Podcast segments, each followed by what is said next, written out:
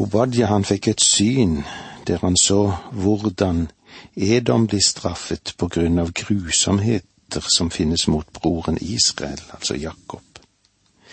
I stedet for å vise sympati, så festet edomittene, altså de som kom etter Esau, da de så hvor ille det gikk med broderfolket. De ventet ivrig på ødeleggelsene. I det tredje verset her i Obodja leser vi slik. Ditt hjertes hovmod har næret deg, du som bor i fjellkløfter og har ditt tilhold i høydene. Du som tenker på deg selv, hvem kan styrte meg til jorden? La meg for forsøke eller prøve å illustrere noe for deg hvordan vi har fått ganske feilaktige forestillinger av det som har med synden å gjøre. Sett nå at jeg visste om en menighetsrådsformann som bekjente seg for å være en kristen, men at han var litt av en dranker. Og jeg kom til deg og ba om råd hva menigheten burde gjøre med dette. Jeg er ganske sikker på at du ville være enig i at han burde miste den stillingen som han hadde. Ja, kanskje andre tillitsverv i menigheten også. Sett nå at jeg fortalte deg om en annen kirketjener eller diakon i menigheten som var knepet av politiet idet han gjorde innbrudd i en safe på et supermarked. Ville ikke du vært enig i at han burde miste sin stilling, og burde stå til rette for det han hadde gjort? Ja, jeg er enig med deg i det. Men sett nå at jeg visste om et fremstående medlem i menigheten som var full av hovmod, som var det mest hovmodige mennesket jeg noen gang har møtt. Jeg er frekk nok til å si at du ville ikke foreslått at han burde miste sine tillitsverv i menigheten. Jeg tror at det var mange ømhjertede i menigheten som da ville si. Jeg synes at du skulle gå og snakke med ham og fortelle ham at det er noe galt å være så stolt og hovmodig. Men utover det gjør det vel ingenting.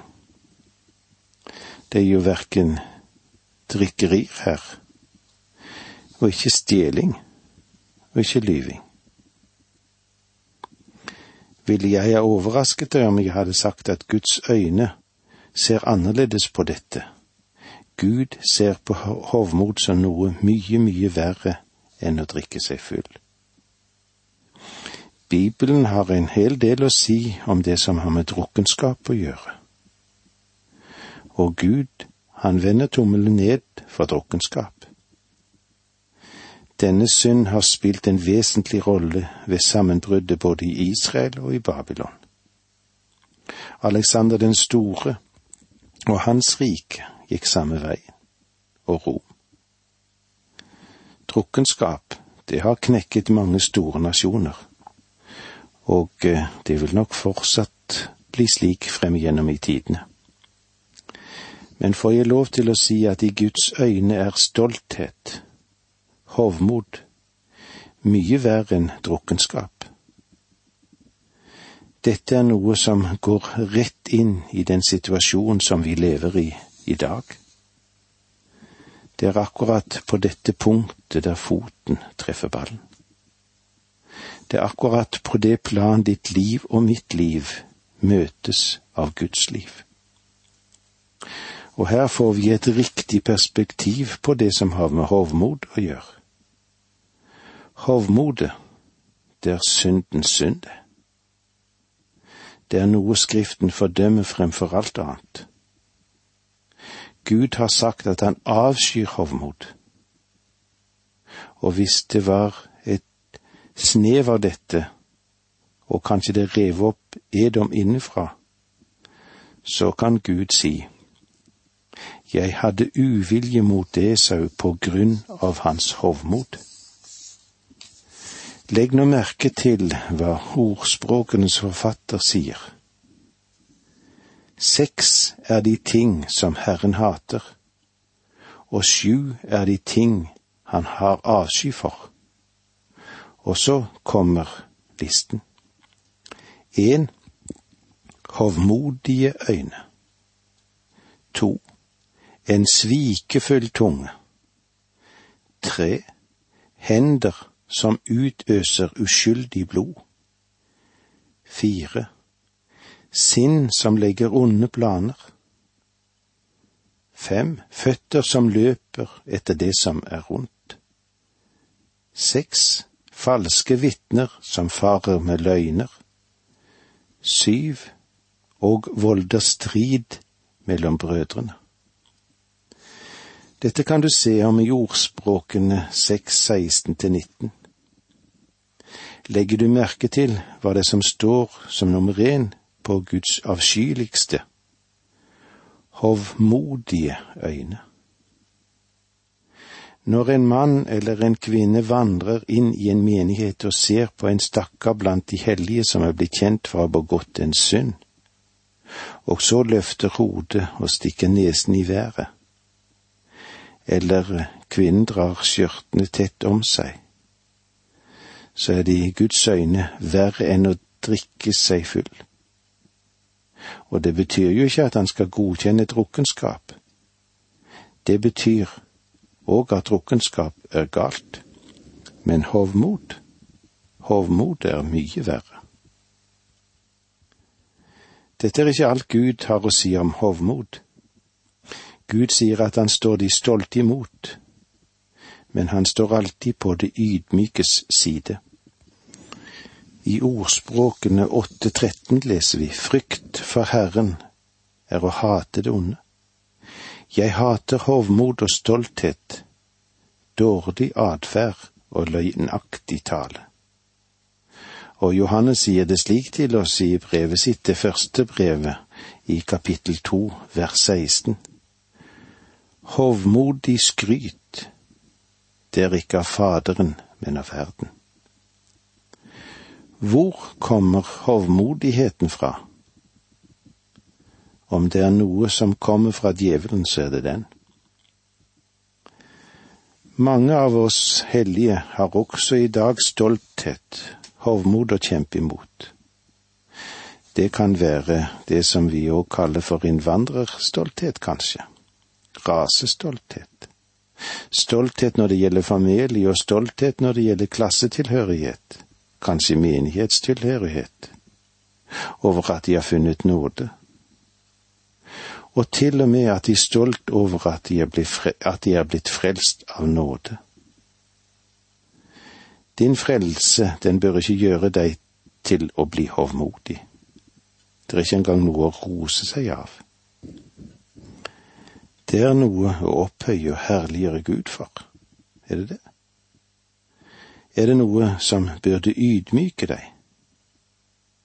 Skammer du deg egentlig ikke over deg selv for at du var at det var nødvendig å frelse deg ved nåde, fordi du er en så ussel synder som du er.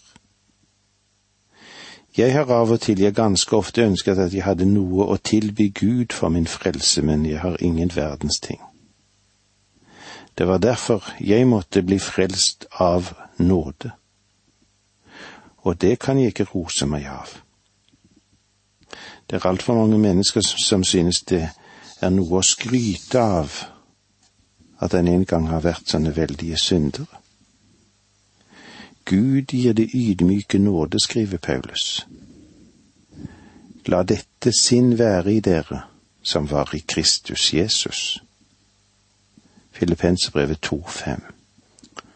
Hva slags sinn var det i ham? Det var sinnets ydmykhet. Han sa, Ta mitt åk på dere og lær meg, for jeg er tålsom og ydmyk av hjerte. Og med disse ordene må vi si takk for nå, må Gud være med deg. Dette undervisningsprogrammet består av to deler.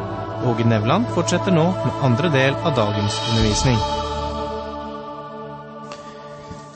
Vi er i profeten Obodja, et lite skrift men mektig skrift som vi har i Det gamle testamentet.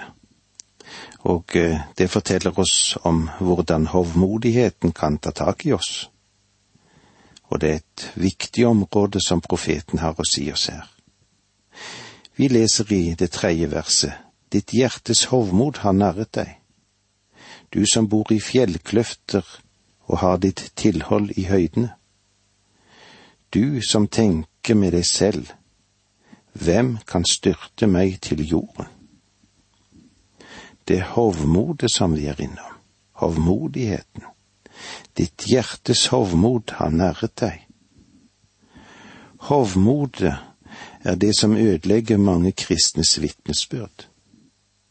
Og så har de gjort disse menneskene til temmelig ineffektive for den tjenesten som de hadde tidligere i Guds rike. Vitnesbyrdet, det kan bli til et show. Det eneste de bygger, er en høystakk, og høystakken den kan fort brenne opp. Det er viktig at vi bygger på grunnvollen som er Kristus, med gull, sølv og dyrebare stener. Hovmodet kjører mange av de hellige ned for telling til tid. Og det har lammet flere enn vi kan ane. Hovmodet. Saken er jo den at hovmodet, det var Satans synd. Han sa, Jeg vil sette min trone over Guds stjerne, jeg vil bli lik den høyeste, som det står i Jesaja 14. Kanskje vi skal ta oss litt tid til å lese de to versene. Jesaja 14, 12-14. Å, at du er falt fra himmelen, du morgenstjerne, daggryets sønn, at du er slengt til jorden, du som seiret over folkeslag. Det var du som sa med deg selv, til himmelen vil jeg stige opp, høyt over Guds stjerne reiser jeg min trone. Jeg tar plass på tingfjellet lengst i nord. Jeg vil stige opp over de høye skyer og gjøre meg lik den høyeste. Hovmodet var faktisk også roten til Nebukadneser sin galskap. Han struttet som en hane i sitt palass i Babylon. Sannelig, dette er det store Babylon som jeg med min veldige makt har bygd til kongesete, til ære for min herlighet, står det i Daniel 430. Og hva hendte så med nebukadneser. Før kongen enda hadde talt ut, kom en røst fra himmelen til deg, kong Nebukadneser, lyder disse ord. Kongedømmet er tatt fra deg. Du skal jages bort fra menneskene og holde til blant dyrene på marken. Du skal spise gress like som oksene. Sju tider skal fare fram over deg inntil du sanner at den høyeste rår over kongedømmet blant menneskene, og gir det til hvem han vil. Dette står i Daniel 4, 31 og 32. Det var ingen tilfeldighet, dette. Psykologene ville i dag ha kalt Nebukadnesers situasjon for hysteri, som leder til en form for amnesi. Denne mannen visste ikke hvem han var, og han ble gående omkring som et dyr på marken. Hvorfor? fordi når et menneske blir løftet opp av sitt hovmod, så er han egentlig ikke løftet opp, men er blitt dratt ned til dyrenes nivå. Gud bøyde Nebukadneser og førte ham ned til det nivå som dyrene på marken hadde. Hva er hovmod? La meg forsøke å gi dere en definisjon. Hovmod i hjertet er den livsholdningen som proklamerer sin evne til å leve uten Gud. Og nå ser vi her i Obodias bok at hovmod i hjertet har løftet opp Edom på samme måte som den Esau hadde foraktet ved sin første fødselsrett. Selv i Isaks hjem, det var nok å ete, så skulle en absolutt ha denne tallerken med suppe. Og med denne suppen så satte han større pris på det enn på sin første fødselsrett. Han brydde seg ikke om Gud i det hele tatt. Og ved at han foraktet denne første fødselsretten, så foraktet han Gud. Og nå er Esau blitt et stort folk som har proklamert sin egen evne til å leve uten Gud. Du som bor i fjellkløfter og har ditt tilhold i høydene, du som tenker med deg selv, hvem kan styrte meg til jorden? Folket mente at de hadde trygge posisjoner i fjellene, og med sentrum byen Petra som var hugget ut i selve klippene. Petra eksisterer fremdeles og kan nok besøkes, og mange som besøker denne byen er overveldet av størrelsen på den. Her finner vi en hel by hugget ut i fjellet. Den er beskyttet ved inngangen til byen, og eh, det skjer gjennom et trangt pass. To ryttere kan ikke ride ved siden av hverandre. Det var derfor det var en by som så lett kunne forsvares. Alt var jo så sikkert. Vi kan vel nesten si det var sikkerhet som banken, som de sa i gamle dager, men det er jo ikke sikkert det er sånn i dag, da. Det har vi jo sett mange ganger. Men i alle fall hadde flere av de omkringliggende nasjonene deponert store summer av gull og sølv i denne byen, fordi de trodde at den aldri kunne komme til å falle i fiendehånd. De bodde i fjellkløfter. De holdt til i bygninger som var hugget ut i solid stein i de bratte dalsidene. De var absolutt sikre.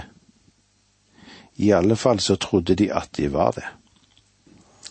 Edomittene, de hadde undertegnet en slags frihets- og uavhengighetsdeklarasjon.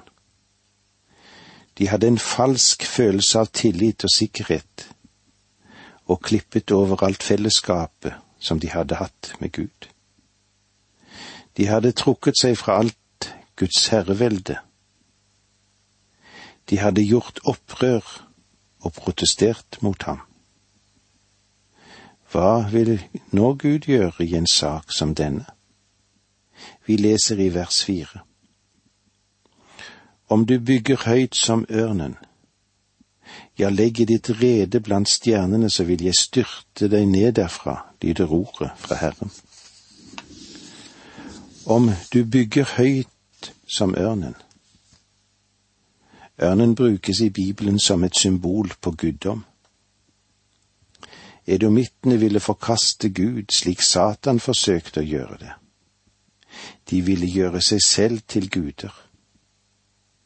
De ville selv ta hånd om de saker som Gud egentlig sa at han skulle ta hånd om. Ja, legge ditt rede blant stjernene. Det var Satans synd, at han prøvde å reise sin trone over stjernene. Gud sier, Jeg vil styrte deg ned derfra, lyder ordet fra Herren.